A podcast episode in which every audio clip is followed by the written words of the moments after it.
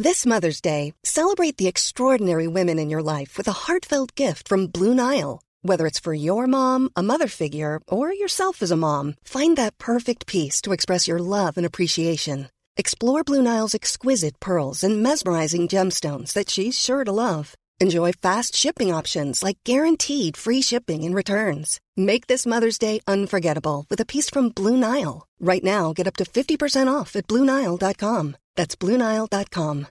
Here's a cool fact a crocodile can't stick out its tongue. Another cool fact you can get short term health insurance for a month or just under a year in some states.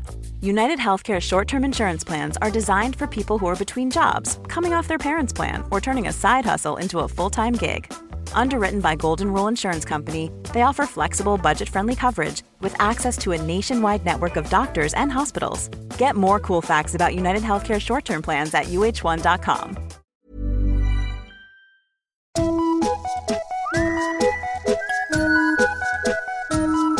Hello kids och välkomna tillbaka till podcasten Mina vännerboken. Det här är sista varningen. Söndag den 26 november, Boulevardteatern Dumt med mig och Viktor Karlsson. Endast ett fåtal, om ens några, biljetter kvar. På ticketmaster.se. En annan som har en stundande föreställning är veckans gäst. Komikern, men kanske framförallt trollkaren Isidor Olsbjörk. Jag och Isidor spelade in det här avsnittet för, tror jag, två veckor sedan. Och av olika anledningar kände jag mig tvungen att ringa upp Isidor igen nu i fredags. Det samtalet spelades in och ligger i slutet på intervjun. Jag nämner det alldeles för sällan. Jag vill skicka ett extra stort tack till Kickpunch och Magnus Eriksson för ljud och bild och för att ni är fina killar. Jag vill tillägna det här avsnittet till Rickard Wolff. Tionde sidan i Mina vännerboken. Isidor Olsbjörk.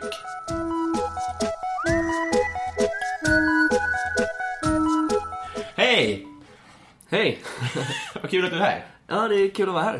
Eh, Du är ju speciell på många sätt, men eh, framförallt så är du den första gästen i podden som eh, ja, Marcus Tapper har bjudit in. Ja. Kanske den sista också. Det är ju... Stort, ja, ja, det vet man aldrig, men men det är ju som jag, som jag sa innan det här med att, eh, att Marcus Tapper tog på sig att producera min, min, min lilla turné. Det är så eh, det ligger till, ja. Ja, och eh, då så, så sa han att han ska höra Han fick lite ångest över att han inte hade gjort så mycket. Och då så bara skickade han ut en massa förfrågningar till så radiokanaler. Eh, Och eh, till, eh, och till dig då. Och, så, så, och så, så, så gick det bra. Och det, då blev jag jätteglad, för jag tycker det är en väldigt bra podd detta. Tack snälla. Det, var den exklusiviteten, att han har, han har skickat ut det där till alla. Är också en rolig tanke att Tapper är någon form av inkastare i poddvärlden. Så att han skickar hotmail. Nu skapar ni tråkig stämning, annars smäller Jag gillar din podd, gillar du dina knän? Exakt. Fortfarande trevlig. Ja, om jag... äter chokladbollar här. Ja, jag vet fan om det här ger som chokladbollar. Det är... Alltså, Ja, ehm, vi sitter hemma hos mig. Eh, och framför oss sitter, ligger eh, ett hav av havrebollar. havrebollar. Japp. Eh, de ser helt eh, Ja, sju, det ser ut- sjuka ut. Om man skulle vara rasistisk man kunna säga att det här är mulattbollar. det är mer det, ja. ja. De är riktigt bleka och riktigt skeva i formen. John Gillberg, min kompis, eh, han har en jätterolig idé om att om man skulle ha ett café så skulle man eh, sälja både chokladbollar och negerbollar.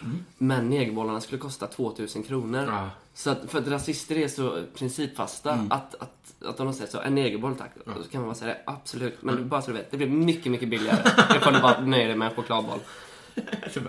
Det, det, blir, det blir dagskassan då som du kommer att få dubbla om det. Ja, just det. Eh, det, är, det är en jättebra idé. Jag tycker det. Men också eh, rolig, rolig klientel där. Att man har det, det vanliga människor och de allra värsta rasisterna.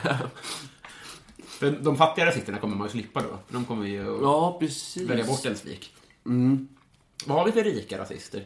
Oh, jag tänker mig att liksom den här riktigt mörkblåa översta överklassen. Ian alltså, Wachtmeister. ja, men de vet liksom inte om att, att, man, att, att det ens har varit något, någon Debatt. debatt. Nej, det, nämns inte i svenskan. Nej, men det når inte dem. Nej, men precis.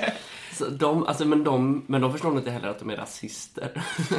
nej, nej de, eh, de har ju en bild av rasister som är eh, skallmätning. ja, men precis. För de handlar inte knappt om ras, utan de, alltså, de, de, de, den första generationens jag är inte rasist, Nej. den är ju... Ja, ja, de är rasister. Ja. Inget snack, men vad pengar de har. Ehm, framför oss, utöver de här eh, mulattbollarna, så ligger ju också ett armband. Eh, och det är det som står på spel idag. Okej. Ehm, jag skulle se oss som kompisar, men formellt så måste vi knyta, knyta kompisband först. Ja, just det. Och för att det ska jag göra så måste du fylla i min Mina vänner-bok. Många har noterat att så här, men du har ju flera av dina kompisar som gäster. Ja. Jo, men man f- låter ju inte kreti och pleti fylla i ens Mina vänner-bok heller. Nej, just Utan det det. är ju de som, liksom, som man ändå har i sin närhet. Ja, jag hade faktiskt en Mina vänner-bok och jag tror att det var typ tre sidor jag fyllde den. Ja, usch. Vad mörkt. Ja, fast jag hade mycket vänner. jag tror bara det att jag inte var... Jag kanske inte var den som gick runt med en sån bok. Nej, just det. Det var lite av en tjejgrej tror jag också. Det, det är det också, ja. N- Du är, in, när är du född? 1997. Ja, Det kanske var sista boken ett barn höll i sin hand överhuvudtaget. Det känns som att det måste ha ersatts av någon app nu. Ja, ja, men det kan man ju säga. Jag vet att jag var ganska sen med att skaffa. Så jag hade aldrig Lunarstorm och jag hade MSN när det var dött, Mm. typ. Eh, och jag tyckte aldrig det var så roligt med MSN heller. Nej. För att alla kompisar jag hade, jag bodde nere, just då så bodde jag nere i en, i en by i Skåne som heter Visseltofta. Och, Mm. Det är eh, liksom ett sagonamn. Ja, ja men verkligen. Julkalenderort. All, alvisk. Jag vet inte. Eh, Men, men då hade jag alla kompisar liksom runt omkring så här så att det var enklare att cykla hem till någon än att liksom ringa upp internet Mm. och skicka på MSN. liksom. Alltså, då- dålig uppkoppling också kanske. Ja, verkligen alltså. Min mamma förstod inte riktigt grejen med datorer heller. Nej. Eh, Mina föräldrar var mer att det var en kapitalistisk grej med Mm. saker överhuvudtaget. Vi fick ta den kampen mer. Ja, men så, så var nog min mamma också. Hon är väldigt, väldigt vänster. Ja. Min mamma sjöng eh, visan om Joe Hill för mig när jag skulle sova. Det är sant. Mm, så. Min första skiva var Ville, Valle och Viktor. Det känns som att det var Ja. eh, liknande. Eh, ja, men eh, nu har vi rätt ut eh, var vi kommer ifrån. Mm. Och nu eh, drar vi. Eh, Isidor, Mm. eh, vem är din bästa vän? Oj, svårt. Um, ja, jag brukar inte säga bästa vän, att man bara har en. Nej, För det, det är så svårt och det är så taskigt. Men, du kan få säga tre. ja, men då en kompis som heter Noel. Och så Carl. Och sen, ja, det är så svårt alltså. Ja, men nu är jag på den här sista liksom. Ja, men jag, jag har en vän som heter Fabian också. Jag har så mycket vänner som jag tycker så mycket om och som jag träffar så ofta så det är så svårt. Men jag kan säga de tre. Noel, Carl och Fabian. Det är riktigt trollkarls-trio i Ja. namn. Låter det så? Ja, det är det faktiskt. Men eh, det är också första krocken, tror jag. För att Karl nämnde ju också dig. Mm, vad kul. Fint. Eh, vad är du rädd för? Oh, svårt. Um, även det. Uh, vad är jag rädd för? Ormar hatar jag. Fan vad jag hatar ormar. Och det är någonting som kom i sena dagar.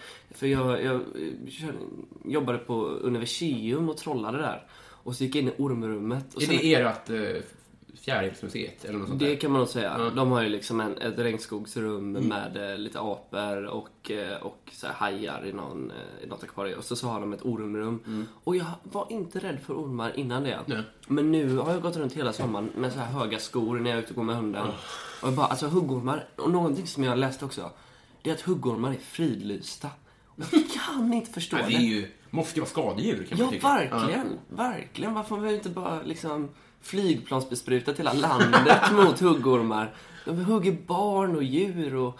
Vad grundar de? De kan ju inte vara viktiga för något. Nej. Just med tanke på hur mycket rädsla de, de sprider. Det inte, alltså, eller vad är... De är ju ganska stora. Det är för att de är stora kanske då? De, de, det är ju det som är äckligt också. De kan bli 60 centimeter långa. Alltså. Satan alltså. För det är ju sånt som gör att man inte kan slappna av på en hel sommar. Ja, för jag ja, känner igen mig jättemycket liksom. Och eh, också det att de är fucking giftiga. Ja. Alltså visst så här läskiga djur och att de bits och det kan göra ont. Men att du också liksom kan bli så här förlamad. Ja, men det är just det. De finns ju säkert... eh, De är ju rimligtvis vanligare när man är på landet än när man är i stan. Ja. Och då är det också helt omöjligt att ta sig till serum. Ja, men Det är en precis. usel kombination. Precis, Jag skulle nog nästan köpa ett sånt eh, anti, antidot. Ja, det tycker jag. Eh, och ha alltid med mig. Då hade jag känt mig jättetrygg. Jag minns att pappa, eh, jag såg en orm när jag var liten och så blev helt förstenad. Eh, flydde upp till huset där landet låg. Och pappa gick ut med en spade och klöv den och la den i myrstacken. Helt rätt. Det är så pappa, det är liksom som, en, som, en, som man ville att pappor skulle vara. Ja, men aldrig ja. var på något sätt. Han men det- löste problemet. Fantastiskt bra av din pappa tycker jag. Mer sånt. Mm. Eh, vilken var din första skiva? Eh, det var... Eh, eh, om den hette Songs with a mission. Det var The Sounds. Eh, Ja. Det här var kanske, vad kan det vara, 2004 kanske? 2005 kanske, ja någonstans där. Eh, och då jobbade min mamma inne i, i, eh, liksom eh, en by som heter Osby. Och då på ABF där så hängde jag med och hängde på kontoret medan hon jobbade. Och då så hade jag tråkigt någon dag och så, så hade jag precis hört eh, We're Not Living in America. Ja, just det. Och så, så gick jag till skivaffären, fick pengar av mamma och köpa en skiva. Så köpte jag och så blev jag besviken för att den inte var med på skivan. Nej! För de hade släppt en ny. Men det var en väldigt bra skiva annars. Men var det skivan efter We're Not Living in Ja, precis. Det måste det varit. Åh, gud, panik. Lägga alla sina pengar på det viset. Ja. Men då, eh, alltså i, i ålder, missade du kassettband helt då? Ja, det gjorde jag.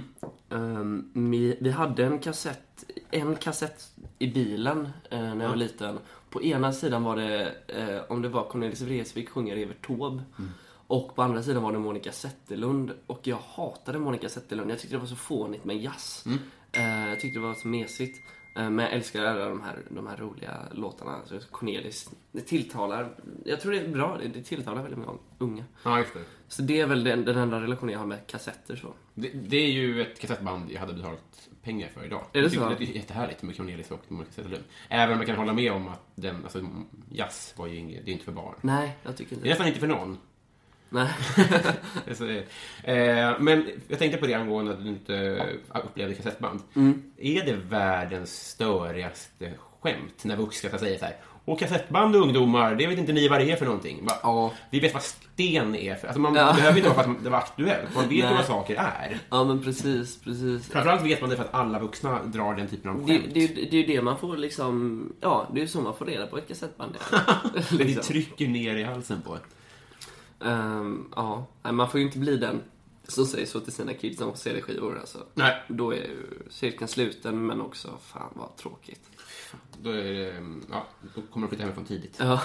Eh, vem är Sveriges snyggaste kille?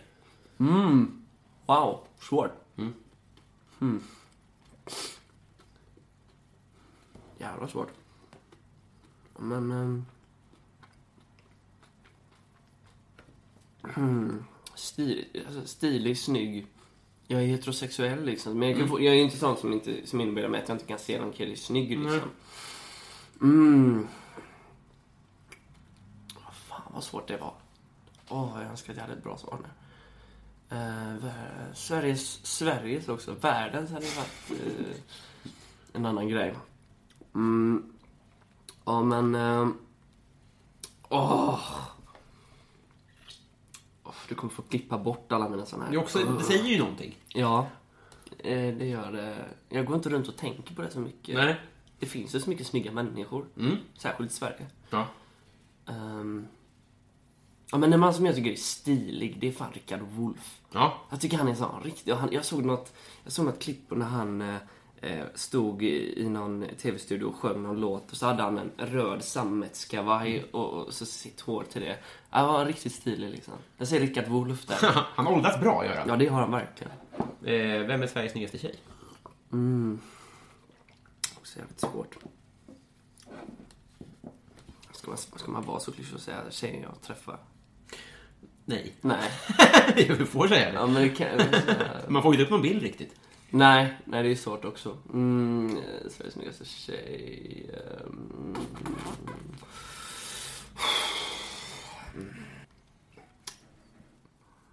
Ja, men okej, jag säger... Jag, säger- okej, det är roligt. Jag säger Helena Bergström. Det stann mitt jobb faktiskt. är det så? Ja. ja, men det känns bra att säga det. Hon är fin. Hon är fin. Ja, det är hon verkligen. Hon är ju... eh, Ja, härligt. Eh, Messi eller Ronaldo? Jag tycker Ronaldo är rolig. Eh, Han, är, han är rolig att kolla på när han spelar. Ja. Eh, för han... Eh, jag tror det är Öss som har något skämt om att han liksom inte riktigt förstår vad han håller på med. att han liksom bara springer, som Forrest Gump nästan. Han springer, gör mål och sen så kollar han och alla är glada så här. Oh, då blir han också glad. liksom att han, jag gillar det här, liksom att han är någon slags eh, nästan neandertal, liksom så här som bara, som bara en maskin. Ja.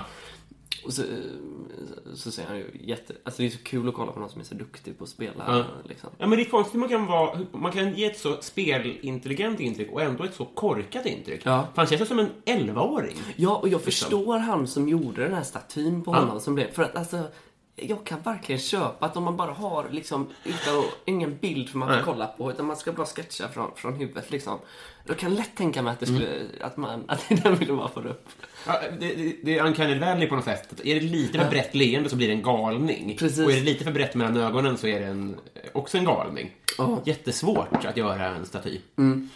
Ehm, har du slagit någon? Ehm, ja, nej. Alltså inte, ja, eller jo, det är klart jag har. eh, Men inte, inte för att, inte i slagsmål eller inte för att jag varit arg på någon. Utan, men jag slåss med mina vänner liksom. Ja, ja, men varför då? Äh, kul. Det, men jag tycker det är roligt så här om man har tråkigt på någon fest och det, det är jättekul att börja brottas och så går det över till att man slåss. Du, du pratar om det här som att det är eh, tumbrottning. Nej, nej men då liksom så här. Det är fight club. Ja, men det, det händer ju väldigt sällan också. Men det är ju... Men det kan, det kan passa ibland tycker jag. Det är roligt. Har du och Karl slagits? Nej. Eller vi kanske har markant... Vi, har, vi är inte sådana som bör, får liksom för oss börja brottas och, och att det går över i att slåss. Men kanske någon, någon gång varit markant eller om vi skojar och slår riktigt hårt på armen. ja, just det. En sån killkram. Istället för krona så... Mm. Ja. Krona är jättekul. Ja, vi spelade det nyligen. Vi gör det sen. Mm, och jag körde med mitt, eh, min silverdollar också. De är så jävla stora. Här så har jag riktigt tunga mynt. Jag tror fan jag har ett märke där fortfarande. Ser du det? Ja. Det kan bli avsnittsbilden. Mm. Ja, absolut. det, då håller du upp både armbandet och ditt... Eh, din knut. Snyggt. Eh, vilken är din favoritglass? Mm, jag gillar, eh, eh, gillar Rocky Road mycket. Det är det Ben Jerrys? Nej? Ja, de har väl någon variant, men det är marshmallows och chokladbitar i. Aha. Ja. Eh, tycker jag är gott. Sen tycker jag om half-baked också från Ben Jerry. Chokladglass överlag. ja, just det. Eh, när gick du upp i morse? Mm, jag eh, liksom så här vaknade och somnade om mycket för ett alarm som gick klockan sju. Och sen så vaknade jag... Som inte var för dig? Eh, nej, precis. Sen så vaknade jag av att eh, tjejen jag såg bredvid började vakna. Och så, så somnade jag om igen. Men jag gick väl upp så här, liksom satte igång klockan elva. Ja. Det är det standard? Ja, alltså jag, eh, jag gillar inte att vakna efter klockan 12 för då får jag alltid ångest för att jag missat hela dagen. Den, vad föräldrar har lyckats med den... Eh, alltså, att, att det ska hända så mycket vid tio som de skulle missa. Ja, ja men verkligen. Alltså, men, det, men det är också så här att länge så här när jag gick i högstadiet och början av gymnasiet då kunde jag lätt sova till tre och bara liksom romantisera hela grejen med att vara en slacker och bara hat, liksom vägra anpassa sig efter andras dygnsrytm. Jag hade, jag hade en, eh, jag sa mycket att dygnsrytm är den starkaste sociala konstruktionen. för, för, eh, jag tyckte det. Och det är också så här en, en, någonting som jag verkligen inte förstår. Det är folk som bestämmer träff med någon innan klockan 12. Det gör man inte. Nej. Alltså efter klockan 12 när som helst, men innan klockan 12 så, så gör man inte. Men det förutsätter att man är ledig då, för om man jobbar så, då är ju dagen igång. Mm. Du är med på att folk, jag tror att folk som jobbar 9 to 5 kan väl ha ett förmiddagsmöte? Jo, men då får det vara med någon annan som jobbar. Ja, just det. Ja, precis. Man kan liksom inte se när vi ska spela in Pandora Podcast så här. Marcus Tapper är en sån, han vill ses liksom så här. En gång vill han ses 9.30. Ja. Det är perverst. så här, då, då har man ingen... Ja, men det går inte. Det är kul att ni har mötts i det. Ja, Så ska vi försöka samarbeta. V- eh, vad unnar du dig? Ehm, alltså jag tycker om det här. Jag, jag, vet att du också är stort fan av Twin Peaks. Och eh, det tycker jag är så fint den scenen när eh, Cooper berättar så här, ett litet tips, en hemlighet till, till Sheriff Truman. Han säger det, varje dag ger dig själv en liten present liksom. Och det kan jag göra, alltså just det här med att man spontant bara går runt och bara, ja men fan nu ska jag unna mig en så här riktigt nice kopp kaffe på någonst- någonstans. eh, Eller idag ska jag köpa, köpa någon, någon nice tröja jag kollat på eller sådär. Det kan jag unna mig. Och sen så unnar jag mig själv också på ett sätt att inte ha ett jobb. Ja, just det. Faktiskt. Alltså det är ju verkligen någonting som jag... eh, Jag är så, jag är så grymt tacksam över, det, Mm. över att jag... Att jag ändå kan bara trolla och göra gig. Mm. Och slippa ha ett jobb. Även om jag inte hade tjänat mycket mer om jag bara hade haft ett jobb på, Mm. på Espresso House liksom. Men eh, jag... eh, Men jag var... Ja, jag är så glad att jag slipper det. Mm. Jag slipper ställa klockan varje, varje dag, varje vardag liksom. Mm. Det kan man säga att jag undrar mig. Det är, ju, det är ju helt sjukt. Vad, alltså, jag, jag hade ett jobb förut där jag tjänade dubbelt så mycket som jag tjänade på jobbet efter. Ja. Och bara för att det var lite mindre stress på det andra så var det alltså, pur livsglädjen ökade jättemycket. Det tror man ju inte när man är kanske 19. Nej. Eller jag vet inte, det beror på vad man, är kanske. Men det är ju Ja. helt... Ja, men jag kan helt förstå det. Alltså att... Pengar är så jävla sekundärt. Ja. För mig så är det helt klart värt att... Eh, nu bor jag fortfarande hemma. Ja. Liksom. Eh, men jag trivs fan rätt bra med det. Jag, liksom, jag vet att det, om något år så kommer jag känna nu får jag inte liksom vara den som bor hemma för länge. Nej. Du har alltid Aron Flam som måttstock där, för han bor hemma. Ja, just det. Så länge du inte... Jag tänker på det ibland. Jag undrar hur han mår. Ja, ja men det, det, där vet man ju, där kan, kan en övre gräns gå. Ja. Men fram till så gammal som han är när han flyttar hemifrån har du allt att spela med. Ja. Ja, men då, då kan jag fan vara lugn alltså. 20 år. Ja, men precis. ja, jag förstår helt och hållet att man, att man eh, kan leva lite mindre lyxigt så med pengar mot att man får lite mer frihet. Mm.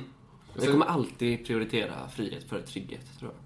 Ja, till och med det ja. Ja, ja men precis. Ja, men sen kan du, så så här, hittar du en helt okej hyreslägenhet och eh, du vet, du har lite mer frekventa gig så behöver du inte oroa dig för tryggheten heller. Precis, och jag kan mycket väl tänka mig liksom stressa sönder mig själv för om jag får göra gig. Liksom. Det gör jag jättegärna. Jag kan sova två timmar och, och, och flyga liksom till andra sidan landet och trolla. Eh, för att då vet jag att jag gör det som jag vill. Men för att jag slipper ha en chef, jag, jag slipper...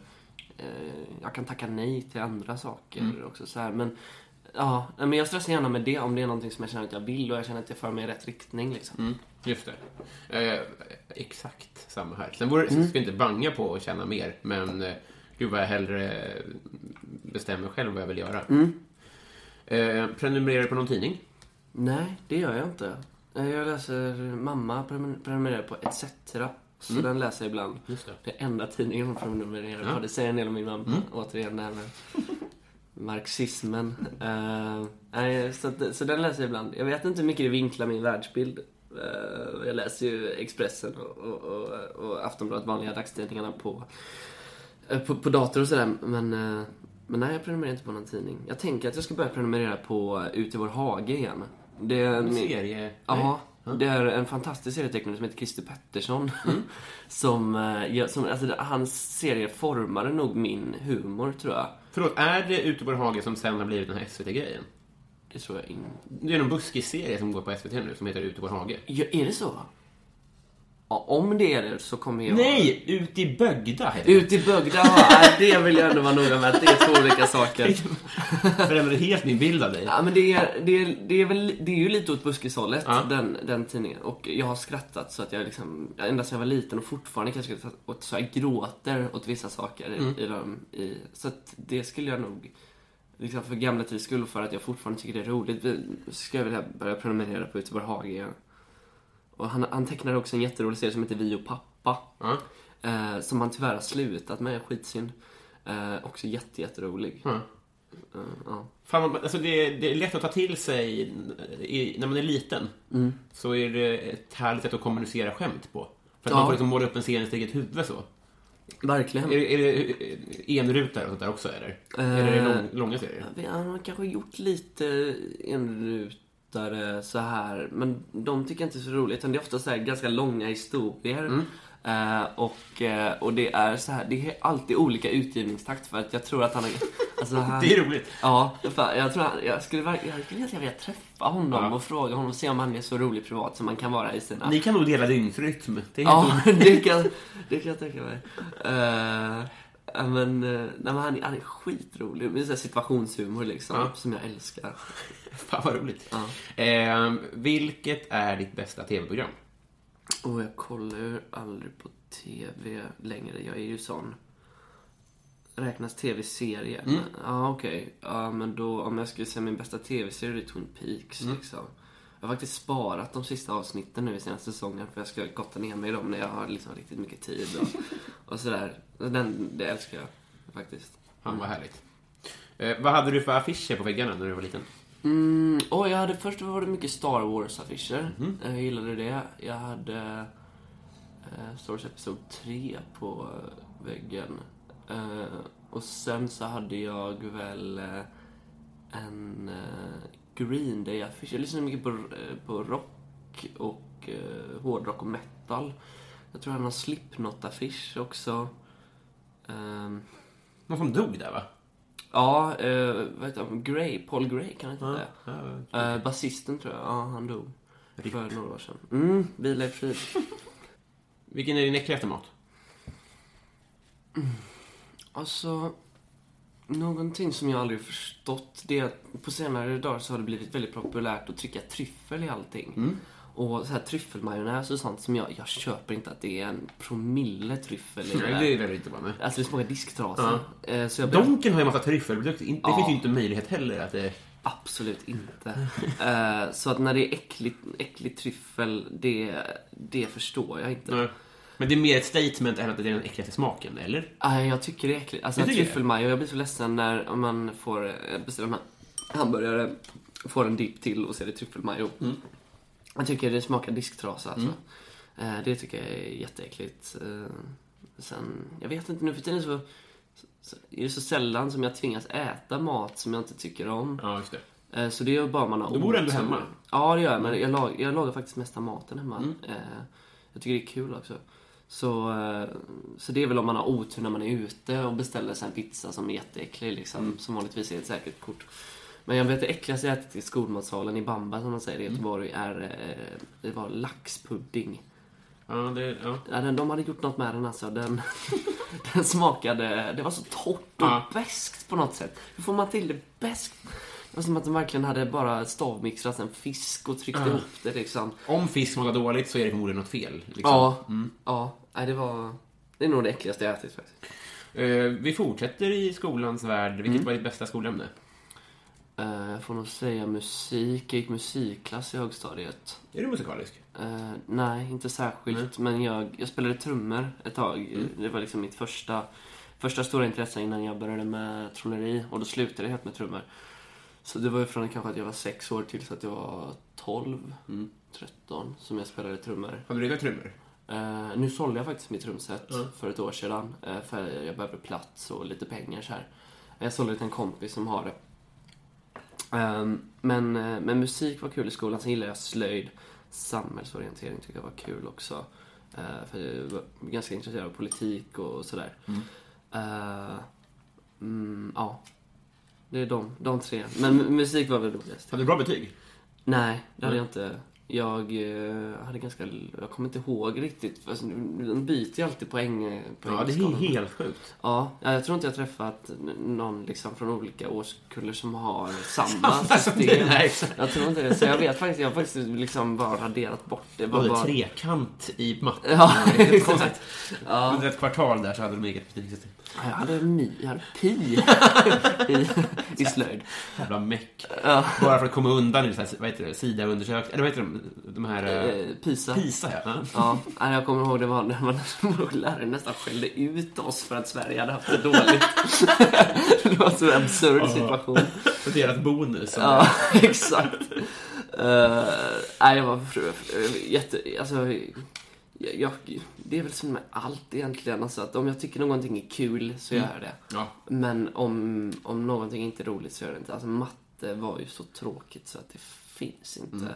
Och sen hade jag också en himla dålig mattelärare som jag... eh, Alltså än idag när jag känner liksom att jag börjar bli vuxen så kan jag inte förstå eller leva mig in i hur man kan vara så liksom iskall in i själen som, som hon var. Eh, och så hade jag också en svenska lärare som var fruktansvärd. Eh, men slöjdläraren och, eh, och musiklärare och samhällslärare var också, var också bra. Så det kanske har med det att göra. Ja. Liksom, att det, var, det var roligt att gå på de lektionerna för det var glada människor. Liksom.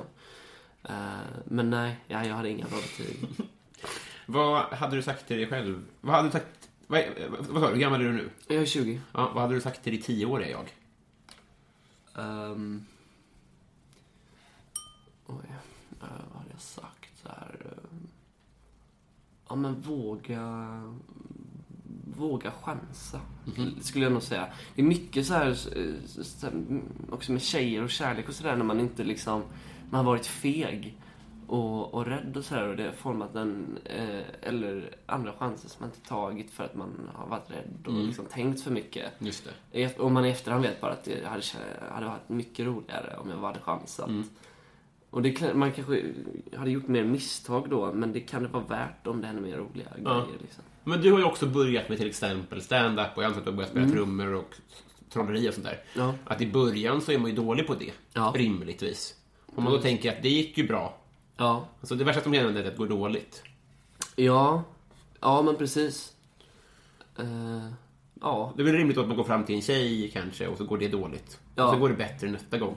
Ja, men Förmodligen precis. rent statistiskt. Precis. Alltså, ja verkligen. Jag kanske skulle sagt här, det finns fler fiskar i havet. Ja, exakt. Något sånt här. Ut och ragga med dig, tioåring. Ja, typ. Kommer fram en 20-åring till ett barn och ber en ragga. Det är Men starkt du, scen. är du från framtiden? Ja, säkert.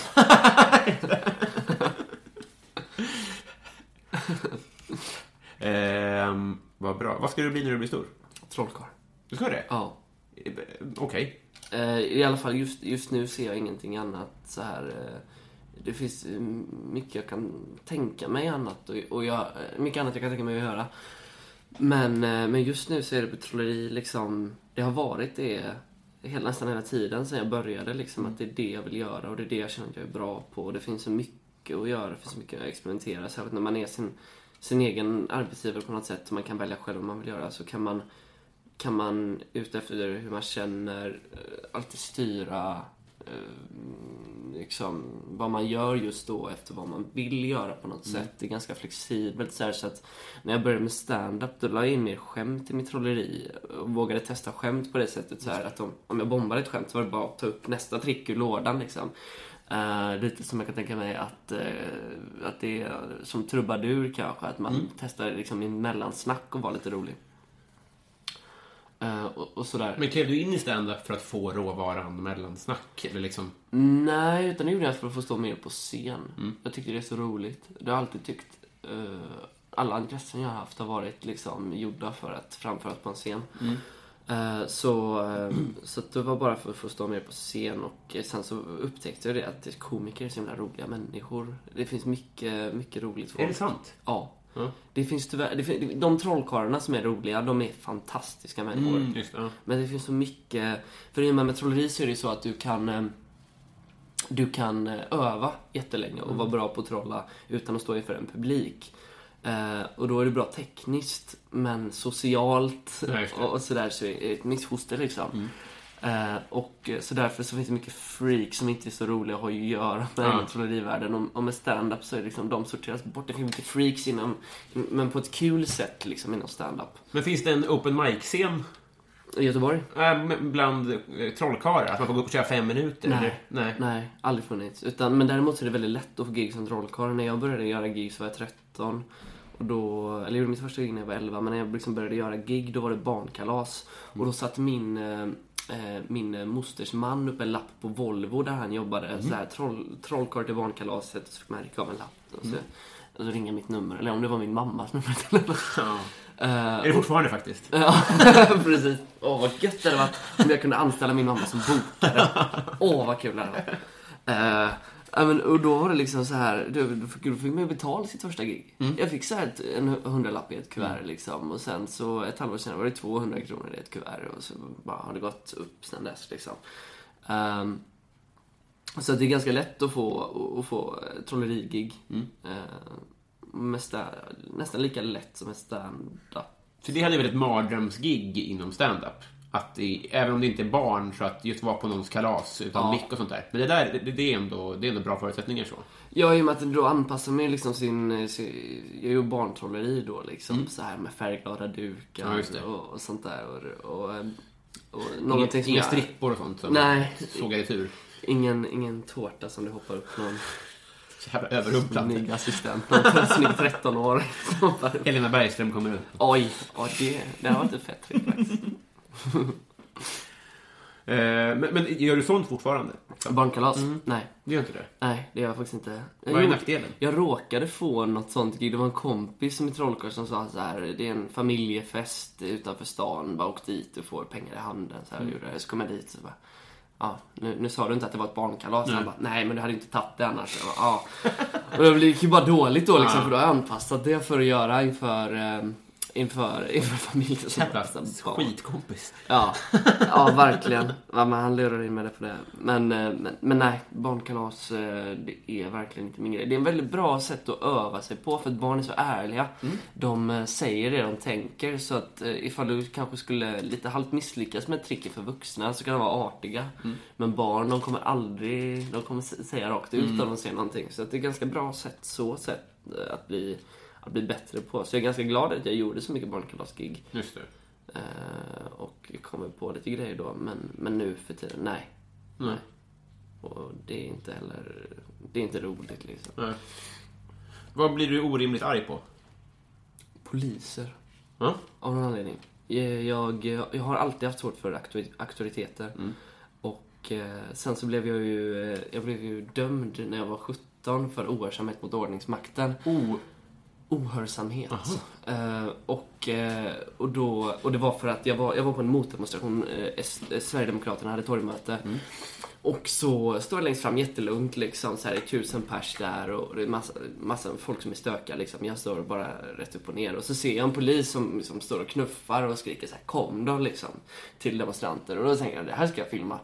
Då filmar jag det och då har de utlöst så här PL24 som är att hela att de får göra liksom egentligen, det är ganska oklart men hela, hela platsen till en brottsplats och eh, då kan de egentligen bara, för då är ett brott att infinna sig på platsen. Så då kan de bara plocka fritt vilka de känner för att gripa liksom. Och då filmade jag då en polis och då såg hennes kollega det och så sa nu får du komma med här, här får du inte stå, eh, det här är en brottsplats. Och då så blev jag... Eh, har man någon, från det att de utlyser PL24, har man någon tid på sig att lämna den platsen då? Eller är det bara så här, nu. Ja, några minuter. Okej. Kanske så här, jag vet, nej men de kan nog alltså, så fort de utlyser det och eh, liksom i högtalare så här så tror jag att de kan plocka, de plockar fritt liksom. Det var samma sak nu under 30 september i Göteborg. Det Mm. var samma sak direkt och då, då gick jag faktiskt för att jag känner jag vill inte, jag vill inte. Nej. De skriker ut då, eller? Ja, de har högtalare i sina bilar. Eh, som de, Ja, men då, då blev jag liksom först friad i tingsrätten och sen dömd i hovrätten. Och, och jag sa liksom i, i mitt vittnesmål så här och sen så, det som jag sa till dig nu att jag filmade en polis och då såg man liksom den här nämndemannen bara suckade och liksom förstod att det här är liksom sånt trams och onödigt så här. Men jag blev dömd då såklart och det var ingen så här stor Jag fick betala 2000 kronor eller någonting. Men jag kan bli så, alltså jag blir...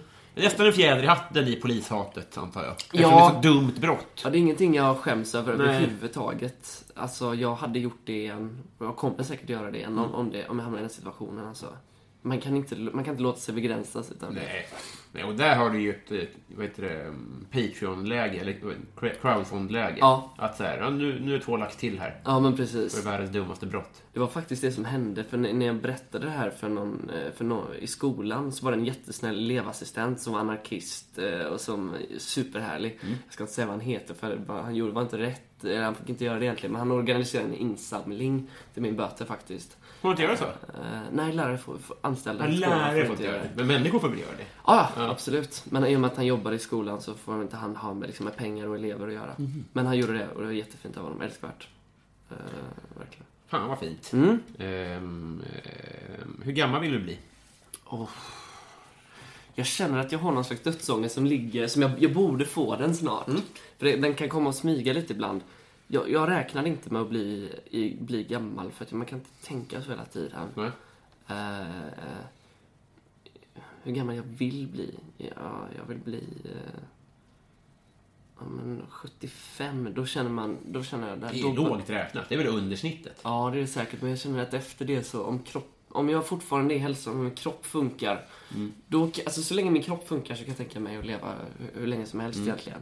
Men jag, eh, jag, jag intervjuade en gammal trollkarl som heter Lennart Gren nu och han är strax över 70. Och han, det tog liksom fem minuter för honom att gå 200 meter Och då känner jag, då vill inte jag, det vill inte jag göra. Nej. Eh, Hur långt, sa- vad sa du nu? 500 meter på... nej, eh, 200 meter på fem minuter liksom. Ja, det är långsamt. Ja, det gick jätte, jättelångsamt. Eh, och det, ja, jag kan inte, jag vill inte... Nej, så att, Ja, det är därför jag tänker att jag ska bli vegan också, så att min kropp hänger med lite längre. Jag tror det är bra. det, det tror jag verkligen också. Så kan man bli påkörd i alla fall, men det är synd att rut- ruttna bort. Ja, men, men det räknar också att jag är helt med på att varje dag när jag går ut genom dörren att det, nu kan det vara sista gången, nu kan jag bli påkörd. Men jag är fine med det. Hellre att jag blir påkörd än att jag liksom tynar bort i Ja, cancer. ja, det är så jävla mörkt den där success. Det är, så konstigt att folk vill bli så gamla. Mm. För att det drar ju bara mindre pension och längre lidande. Ja, Det skulle ju vara någonting om man fick konservera sig nu. Ja, men, men- mm. äldre människor är bara gamla länge. ja. Alltså om jag, bara- om jag liksom... eh, Och jag, jag, är inte, jag är aldrig heller intresserad av att ta mitt liv liksom. Så att om jag skulle få cancer så, så skulle jag haft jättesvårt för att liksom bara avsluta mitt liv och säga så här att nej jag vill inte, jag vill inte ha den här fruktansvärda sjukdomen. Nej. Jag hade inte kunnat göra det heller så det är verkligen en mardröm för mig. Ehm, ja. Nej för fan. Vilken är din bästa Disney-film? Oj. Eh, ja, jag kollar så lite på Disney och sånt där. Ehm, svårt för sånt egentligen. Av... Av vilka skäl? Mm. Eh,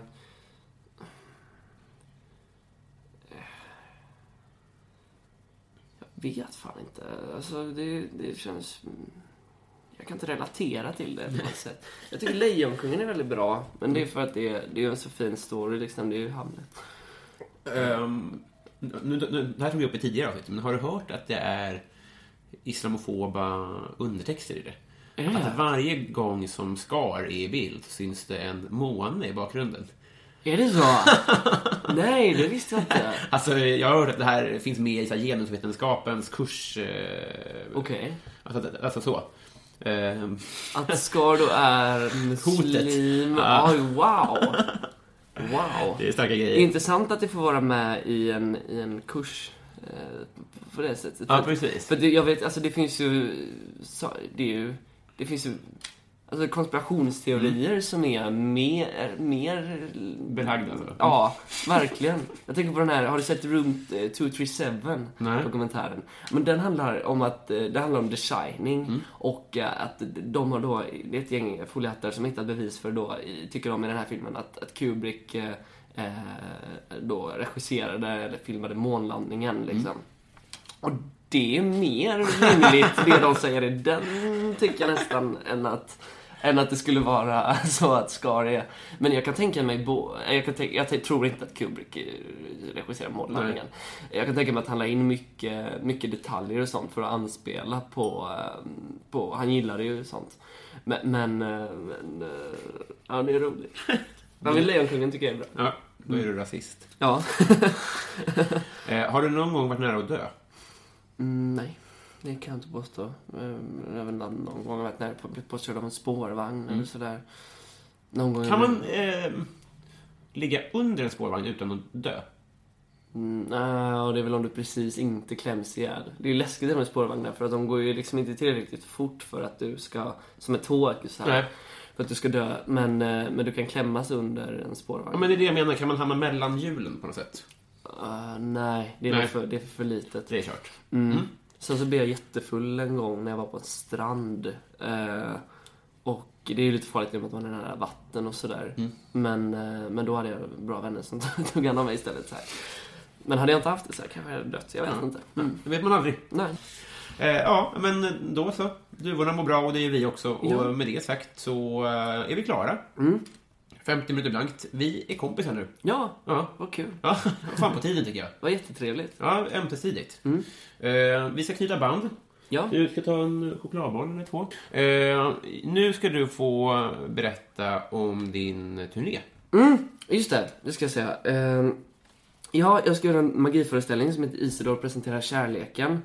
Och eh, den kommer spelas i Göteborg den 20 november. Eh, första datumet där. Sen så gör vi 20... Eller fan blir Åh nej, nu blir jag osäker. Fan. Om det är 30 i, eh, i Linköping och eh, första i Stockholm. Och eh, biljetter hittar ni på biletto.se. Och jag kan säga om ni som lyssnar i Stockholm att jag har hittat, jag har tagit den mest pu- publikfriande dealen. För jag vill bara fylla Petsans bar. Eh, som är att det kostar 60 kronor med en biljett och då får man en öl. Så att det kostar mer eller mindre en öl eh, att komma in. Eh, för att jag vill bara att min publik ska komma dit och, och vara glad och få en öl. Det är ju det billigaste jag har hört, tror jag. Ja, jag känner mig nästan lite dum, men jag känner att det, det är fint. Det är en gåva till min publik. Så kom och kolla. Eh, och det är väl det egentligen. Någonting annat du vill göra reklam för? Man kan ju komma till Pandora Stand-Up som kör i Göteborg på Oceanen. En jättebra klubb. Du har varit där, bra jätteroligt. Du får komma tillbaka snart. Och, eh, och det är väl det egentligen. Man kan lyssna på Pandora Podcast också om man vill. Ja. Fan, vad härligt. Eh, jättekul att du kom hit. Tack för idag. Tack så mycket. Hej då. Hej. Ja, det är Isidor. Hej! Hej. Hur är läget? Det är bra, tack. Hur är det med dig? Jo, fan det är, det är superlugnt det. Tack för senast. Det är samma. Samma. Vad jävligt trevligt. Ja. Eh, bra eh, senaste två har varit. Med eh, Sandra och Bränning. ja, vad gullig du är. Tack snälla. Ja, men jag tycker verkligen det är den, eh, den bästa intervjupodden just nu. Det här kommer jag att ha med, kan jag säga. Ja, spelar in nu redan? Det här går rätt in i avsnittet. Eh, och jag tänkte bara elefanten i rummet. Ja. Eh, att Sveriges vackraste man är död. Ja, det är så, det är så mörkt. Det är helt otroligt eh, att, eh, för till lyssnarna då, så spelade du och jag in det här avsnittet för typ två veckor sedan, tror jag. Och då hade vi inte ens, jag visste inte ens då om att han var sjuk. Ja, jag visste det. Du visste det? Eh, Så jag tänkte faktiskt tanken att det är möjligt att eh, han dör snart. Wow, alltså. Men Ja. att, det var, att det var så här fort. ja, två dagar innan släpp, ska vi säga. Det här, har jag spelat in på fredag och då har det just skett. Och så släpper vi på söndag. Ja, det är ju nästan kusligt alltså. Ja, han är fortfarande varm liksom. Ja, det får man verkligen säga. Det är mörkt. Det är Ja. mörkt. Men, men eh, fin hyllning i, i det undermedvetna. Det känns ju bra på det sättet. Ja. Att, eh, att jag sa honom och att jag inte sa så här någon, någon Skarsgårdsgrabb eller någon sån här som liksom bara är, är lugn. Just precis. Det kan också vara så att, du, att det är en förbannelse att om du tycker att någon är vacker så kommer den att dö. Så är det väl med Fader Fouras-jobbet, tror jag. Vad sa du? Hålla tummarna för Helena Bergström. Ja, du sa henne, ja. Ja, jag, jag ger henne 40 minuter. Nej. Hon är, hon är kanon. Men du, eh, det är inte därför vi är här, preliminärt. Primärt, heter det. Utan för att du ska få svara på Patreon-frågorna. Ja, Eh, vi, vi sätter igång helt enkelt. Är du redo? ja jag. Strålande. Eh, Johan Lundberg. Han, han noterar att det, det wankas jul. Och han undrar eh, om du vill ha hårda eller mjuka paket. Oh. Jag vill ha eh, mjuka paket, tror jag. Det enda jag har varit sugen på att köpa senaste, senaste tiden har varit eh, nya kläder. Ja. Och jag tröttnar nästan aldrig, eller jag kommer aldrig tröttna på att köpa kläder. Ehm, så jag vill nog ha, ja, mjuka paket gillar jag, verkligen. Vad, tänker du, är du ute efter en hatt? Eller så här, om man ska köpa en present till dig, vad ska man sikta på då? Men nu så, nu så kollar jag på en, eh, en jättefin halsduk, så jag behöver en varm halsduk till vintern. Mm.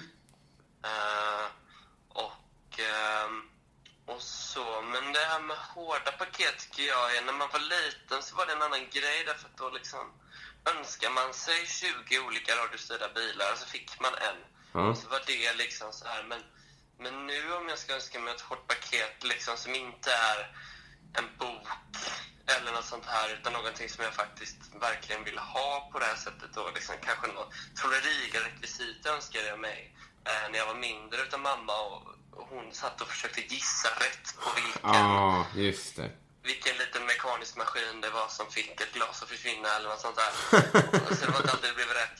Eh, så, eh, nej men kläder är verkligen, eh, det är verkligen nice. Ja. Ja, men då, Min mamma, min mamma syr en mantel åt mig faktiskt, tänkte jag. oj, jävlar ja. Det är så himla svårt att hitta... Man måste veta vad man ska leta, tänker jag, på mantel. Ja. Om man ska ja, handla jag till sin mantelson. hitta något som inte är Ja, vill ha just det. fint tyg. Men jag tror det är mitt sätt att liksom... Det blir som en motreaktion mot alla trollkarlar som försöker komma ifrån trolleri och göra det liksom coolt så här. Just det. Jag vill ha, jag vill ha liksom en fes och en mantel på mig. Ja. Du klär dig väldigt stiligt alltså. Men värmer en mantel? Är det, är det tanken från början? Jag tänkte att jag ska på mig den på scenen då. Ja. Eh, så eh, det är inte jätteviktigt. Den kanske helst ska vara ett svalt material. Om, det är ju det är inte bra att bli för varm på scenen. Just det. Men fäster man den, hur fäster man den egentligen? Ja, det finns olika, men jag tror att det snyggaste är att ha en sån kedja som håller, håller i kapp. Så du kanske kan sätta under skjortkragen eller något sånt där. Lite- Runt halsen då? Ja. Jaha. Ja, så där ja. Ja, då får du inte vara för tung för då kommer det ju att gå ut över andningen liksom. ja, det ser konstigt ut också. Ja. Det är mycket att tänka på i, i mantelbranschen. För min mamma. Ja, verkligen, när hon ska sätta igång. Eh, fråga två då. Martin Lundberg, han undrar så här. Ditt onödigaste köp? Helst en pryl man suktat efter, kostat lite orimligt mycket och som man ångrar direkt när man kommer hem med den. Men då, då kan jag svara igen att när jag var kanske så här 13-14 så skulle jag eh, så var jag på en, en trollerimässa där det fanns ett rum där de sålde massa rätt trollerimässa. Och då så tog jag, eh, och jag, var ganska, jag hade liksom inga, inga pengar så här, eh, men jag tog alla pengar sparat från min födelsedag och så köpte jag ett trick som hette någonting med Pelle Kanin eller någonting. Som för att jag mm, trodde att jag skulle bli tr- trollkarl för barn. Ja. Och det här Pelle Kanin-tricket, alltså det är så... Alltså, det, alltså det var bara... Ja, det var sån... Men, men, men måla upp en miljö. Är det så när man köper ett trick att någon lär en ett trick eller köper man de fysiska prylarna till tricket? Ja, du köper just det här, det är ju lite olika. Ibland kan du köpa bara böcker där det står eh, instruktioner på ett ja, korttrick eller så Ja. hur du kan bygga själv. Men, men det här var liksom med rekvisit och allting och trollerirekvisit är jävligt dyrt. Ja. Ehm, ja, men då köpte jag i alla fall något trick som heter Pelle Kanin som är en kanin som försvinner och dyker upp i så här någon träram på något sätt och den dyker upp i fickan. Ja, det vet jag, Ja. det var så uselt. Nu faktiskt i, ehm, i häromdagen så var jag på en trolleriaktion i Göteborgs Magiska Klubb. Eh, och så köpte jag en kortlek, något som heter coin deck skulle det vara. Det skulle vara då att man skulle kunna producera mynt ur en kortlek. Ja. Så fick jag den, jag står här och håller i den. Det är, det är alltså bara att man har byggt en, tagit, klistrat ihop en kortlek, skurit ut stort nog för att gömma ett mynt i och så har man satt en lucka över. Och jag kommer aldrig kunna använda det här tricket. Och det kostade 400 kronor. Ah. Så jag tror faktiskt att det kickar Kalle Kanin eller Pelle Kanin från första platsen. Det är ju något symboliskt när det är du som blir blåst på något sätt. Ja, precis. Jag blev ju bestulen på min plånbok väg hem från krogen för eh, någon månad sedan. och, och det var en kille som kom fram och, och ville... Och jag var ganska närgången, men jag tänkte så, vilken trevlig, härlig kille. Jag var på så himla gott humör. Eh, så, så tänkte jag, varför närgången han är? Det är mysigt så här. Ja. Så tog han min plånbok då och jag blev arg men också rätt imponerad. Ja. För att jag kände ingenting. Jaha. Ja, du kan känna en yrkesstolthet, kan- eller liksom en, en imponerad... Ja, Han var fingerfärdig liksom. Så, men, vi var ju inte riktigt i samma bransch, bransch kan man inte påstå, men, men, eh, men, det var, ja, men det var coolt. Ja. Han lurade mig. Ja, inspirerande. Inspirerande på något sätt. Ja, verkligen. Eh, Då kommer vi fram till eh, den sista Patreon-frågan. Mm. Nu ska jag läsa till här så att det blir rätt. Häng kvar här. Dit ska vi. Eh, jo, och det är Adam Grenabo som undrar så här. Vad är det snällaste någon har gjort mot dig och du har gjort mot någon annan? Oj, Ja. väldigt, väldigt bra fråga, Adam. Mm. vad är det snällaste? Jag kommer nog inte kunna svara på vad det snällaste jag har gjort är. Alltså, det... Ja, men... När jag var 16 så slutade jag vara helt intresserad av att eh, gå i skolan. Jag hade verkligen inget, inget intresse överhuvudtaget längre kvar. Jag hade inte haft så mycket innan, men, men nu var det verkligen, nu vill jag inte. Och då sa min mamma, för hon visste att jag mådde dåligt av att gå till skolan och, och den pressen. Så då sa faktiskt min mamma att nu, du behöver inte gå en enda dag till till skolan om du inte vill. Eh, utan gör din grej.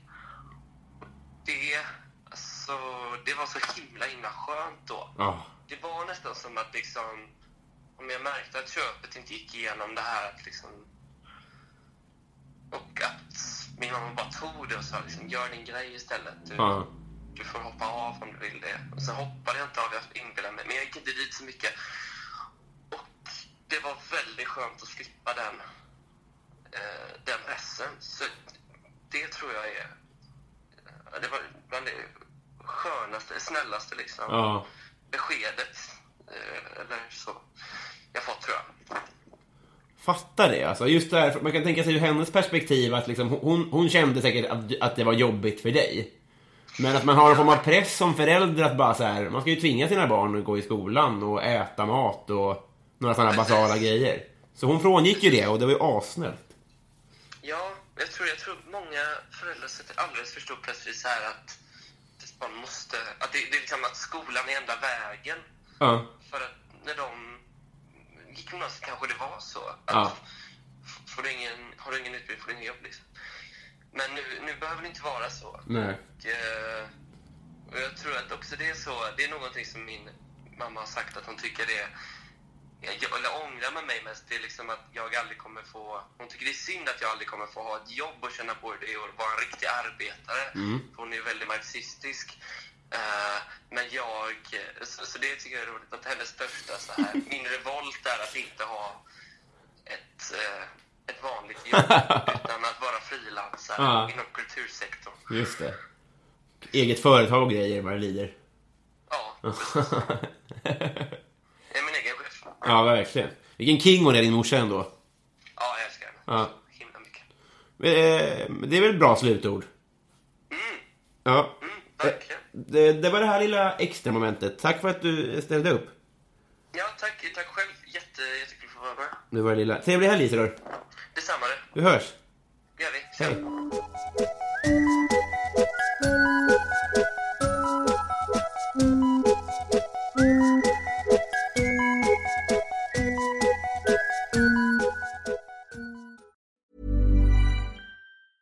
Hi, I'm Daniel, founder of Pretty Litter. Did you know cats tend to hide symptoms of sickness and pain? I learned this the hard way after losing my cat, Gingy. So I created Pretty Litter, a health monitoring litter that helps detect early signs of illness by changing colors, saving you money and potentially your cat's life. Pretty Litter is veterinarian developed, and it's the easiest way to keep tabs on your fur baby's health right at home. Go to prettylitter.com and use code ACAST for 20% off your first order and a free cat toy. Terms and conditions apply. See site for details. A lot can happen in the next three years. Like a chatbot may be your new best friend. But what won't change? Needing health insurance. United Healthcare Tri Term Medical Plans are available for these changing times. Underwritten by Golden Rule Insurance Company, they offer budget friendly, flexible coverage for people who are in between jobs or missed open enrollment. The plans last nearly three years in some states, with access to a nationwide network of doctors and hospitals. So, for whatever tomorrow brings, United Healthcare Tri Term Medical Plans may be for you. Learn more at uh1.com.